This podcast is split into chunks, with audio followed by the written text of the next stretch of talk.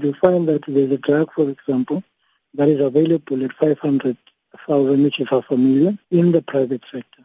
However, there is also a pilot of the same drug in government available for about 200,000.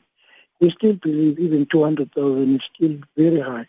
We are also investigating issues around patents and extension of those patents because we believe that uh, there may be an instance where, because there's a particular patent that belongs to Roche that expires in 2020, it's also of a cancer drug, but they have engaged a company called uh, Genentech, uh, which has got exclusive marketing rights of that product.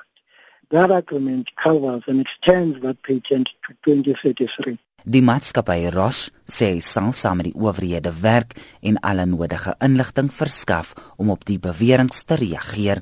Ngwema sê die kommissie het inligting dat longkankerbehandeling glo onbekostigbaar is in Suid-Afrika en dat mediese fondse nie daarvoor wil betaal nie. Die farmaseutiese maatskappy Pfizer word in die verband ondersoek. In one instance, a particular drug the dosage uh, used to charge 152,000.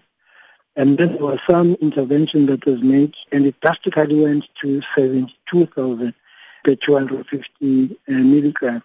But we still believe that uh, this price is highly excessive. But we are going to conduct that investigation. Die bestuurder van Pfizer Suid-Afrika, Jennifer Power, ontken die beweringe en sê die maatskappy sal sy volle samewerking aan die kommissie gee.